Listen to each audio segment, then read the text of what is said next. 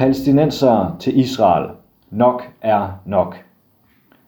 De unge palæstinensere, der er i oprør, har helt ret. De er ledet og kede ved israelsk apartheid. De er vokset op med besættelse, konfiskation af jord og drab. Ordene tilhører Manuel Hassashan. Han er palæstinensisk ambassadør i Danmark, og han glæder sig over, at så mange palæstinensere går på gaden. Siden 7. maj har 100.000 af palæstinensere åbent reageret på hustyveri i Øst-Jerusalem, bomber over Gaza, besættelse af Vestbreden og tårgas mod og lynchinger af palæstinensere i israelske storbyer. De unge mænd, kvinder og børn betaler dog en høj pris. Vi er vidne til en hidtil uset aggression fra israelsk side. Se bare på Gaza. Målene for os er på kort sigt en våbenhvile i Gaza og stop for bomberne og drabene. På længere sigt er målet et ophør af israelsk besættelse af vort land og at oprette et palæstinensisk stat side om side med Israel ud fra 1967-grænserne, siger ambassadøren til arbejderen. Han står i spidsen for palæstinensernes diplomatiske mission i Danmark.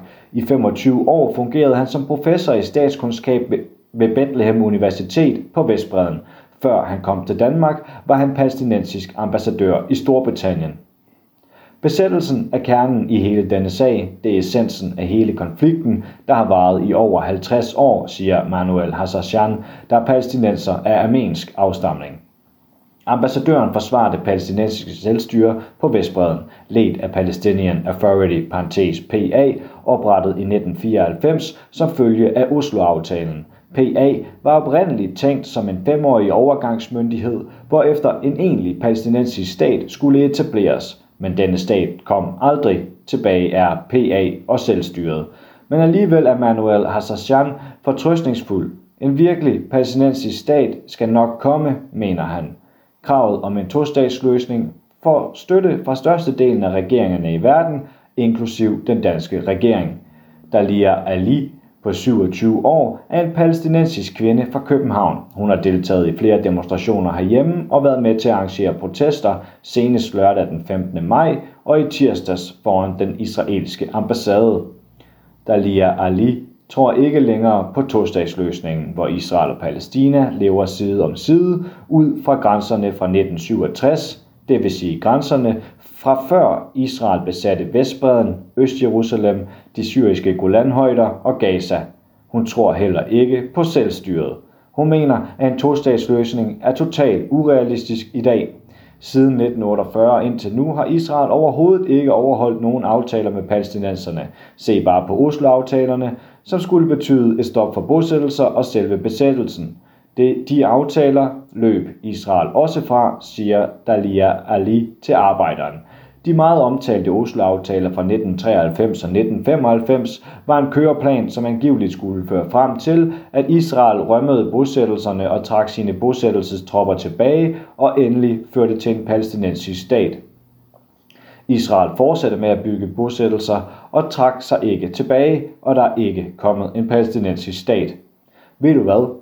Jeg ønsker at leve i en stat, hvor kristne, jøder og muslimer lever i fred og sameksistens på lige fod med hinanden, hvor alle er velkomne, hvor der ikke er forskel på folk ud fra religion, hvor der ikke er bosættelser, checkpoints eller soldater, der bryder ind i folks hjem, siger Dalia Ali.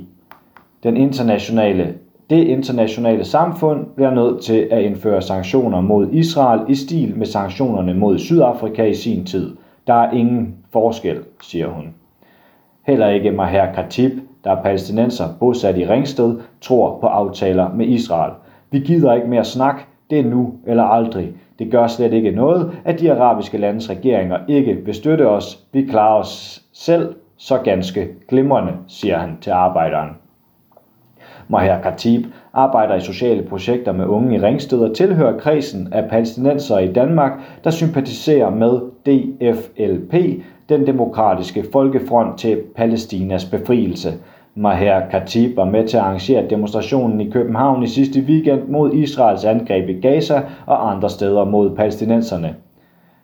Jeg kan udtale mig på egne vegne, men nok også for rigtig, rigtig mange palæstinensere, der er på gaden herhjemme lige nu i protester. Jeg fornemmer, at der er en meget kraftig fælles bevidsthed blandt os om, at modstandskampen fortsætter, indtil Israel indrømmer og accepterer palæstinensernes krav. For en gang skyld er vi palæstinensere enige om, hvilken vej vi skal gå, siger han til arbejderen. Maher Khatib mener, at Israel på lang sigt skal erkende sit nederlag og give palæstinenserne sine fulde rettigheder. PA og selvstyret skal nedlægges, og befolkningen skal overtage Vestbreden. Hvis Israel så ønsker at forstærke besættelsen her, genbesætte den, vil de blot møde endnu mere modstand, mener han. Allerede 30. april udskød den palæstinensiske præsident Mahmoud Abbas fra PA det planlagte palæstinensiske valg den 22. maj og 31. juli på grund af den usikkerhed, Israel har skabt om, hvorvidt det vil tillade valget, som han udtrykte det. Maher Khatib pointerer, at det er et flertal af palæstinenserne, der ønsker sejr i Gaza, på Vestbreden, Øst-Jerusalem og i israelske byer og i hele verden, hvor palæstinenser er spredt ud, siden de i årene efter 1948 Israels dannelse blev smidt ud af deres hjem i Palæstina. Ifølge FN udgør gruppen af palæstinenser i eksil over 4 millioner personer. 20 procent af staten Israels indbyggere er palæstinensere eller andre arabere. Det helt nye og historiske er, at palæstinenser i israelske byer og landsbyer er gået med i kampen, hvor israelske specialenheder inden for politiet og efterretningstjenesten er sat ind, siger Maher Khatib. Maher Khatib ønsker sig på lang sigt en demokratisk stat for både jøder, muslimer og kristne. Og så burde alle sionister, som besidder dobbelt statsborgerskab, men som besluttede at invadere Palæstina fra øst og vest, rejse hjem igen. Vi vil gerne leve i fred med vores jødiske og kristne naboer, lyder det fra Maher Khatib, der flygtede til Danmark fra en libanesisk flygtningelejr i 1980'erne. Sionismens grundidé er at skabe et nationalt hjem for alverdens jøder. Khaled Barakat er palæstinensisk forfatter, der pt. lever i eksil i Kanada. Han glæder sig over, at modstanden mod Israels terror og besættelse vokser.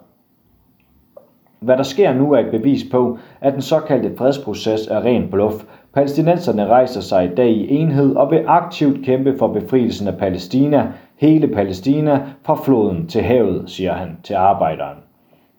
Med ordene floden og havet mener han grænserne for det historiske Palæstina, inklusiv det nuværende Israel og de palæstinensiske territorier. Floden henviser til Jordanfloden, der løber øst for Palæstina, mens havet henviser til Middelhavet mod vest. Khaled Barakat er født i 1972 i Øst-Jerusalem. Han har boet i Beirut i Libanon og Berlin. Dalia Ali er håbefuld for fremtiden. Jeg tror på palæstinensisk frihed og retten til at vende tilbage, siger hun. Netop retten til at vende tilbage er et af palæstinensernes krav. De ønsker, at samtlige flygtninge får lov til at vende tilbage til deres oprindelige landsbyer i Israel eller alternativt for erstatning. De henviser til FN-resolutionen 194 fra 1948, som lyder, Flygtninge, som ønsker at vende tilbage til deres hjem og leve i fred med deres naboer, skal gives lov til at gøre dette tidligst muligt, og at kompensation skal udbetales til dem, der vælger ikke at vende hjem. Min farfar ønsker at besøge sit hjemland, inden han dør, men det kan han ikke. Han har ikke noget dansk pas, heller ikke flygtninge i Syrien og Libanon kan besøge deres hjemland, lyder det fra Dalia Ali. Khalid Barakat er glad for den bølge af protester mod Israels bombardementer i Gaza og i Øst-Jerusalem og alle andre områder. Vi går ind i en ny fase af vores kamp, og Europa skal stoppe sin støtte til racisme og kolonisering af Palæstina, og i stedet stå sammen med det palæstinensiske folk i deres kamp. Massakrene i Gaza skal bringes til ophør, siger Khalid Barakat. Netop massakren i Gaza, der indtil onsdag i denne uge havde kostet 219 palæstinensere livet, ligger, det, ligger den palæstinensiske ambassadør Manuel Hassan meget på sinde. Skaderne og offrene er astronomiske. EU og FN's Sikkerhedsråd må ind og presse Israel for at acceptere en våbenhvile, for de tager sig tid. Israel er ikke interesseret i fred, men interesserer sig kun for geografi. Det er skamfuldt, hvad der sker, lyder det fra Manuel Hassan. Han mener, at den danske regering håndterer konflikten forkert. De fokuserer meget kraftigt på problemet med raketter fra Hamas i Gaza og fokuserer alt for lidt på, at det faktisk er israelske jetfly, der dag og nat bombarderer Gaza. Offret og gerningsmanden er bestemt ikke lige gode om det, siger han. Ambassadøren mener alligevel, at Hamas må stoppe med at sende raketter.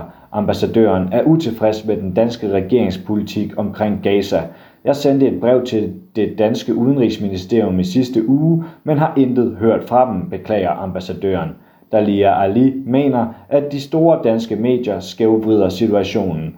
Medierne beskriver hele tiden sammenstød og kampe mellem jøder og arabere, men overser, at der taler om en kamp mellem en af verdens stærkeste militærmagter, et koloniserende apartheidstyre og civile, slutter Dalia Ali.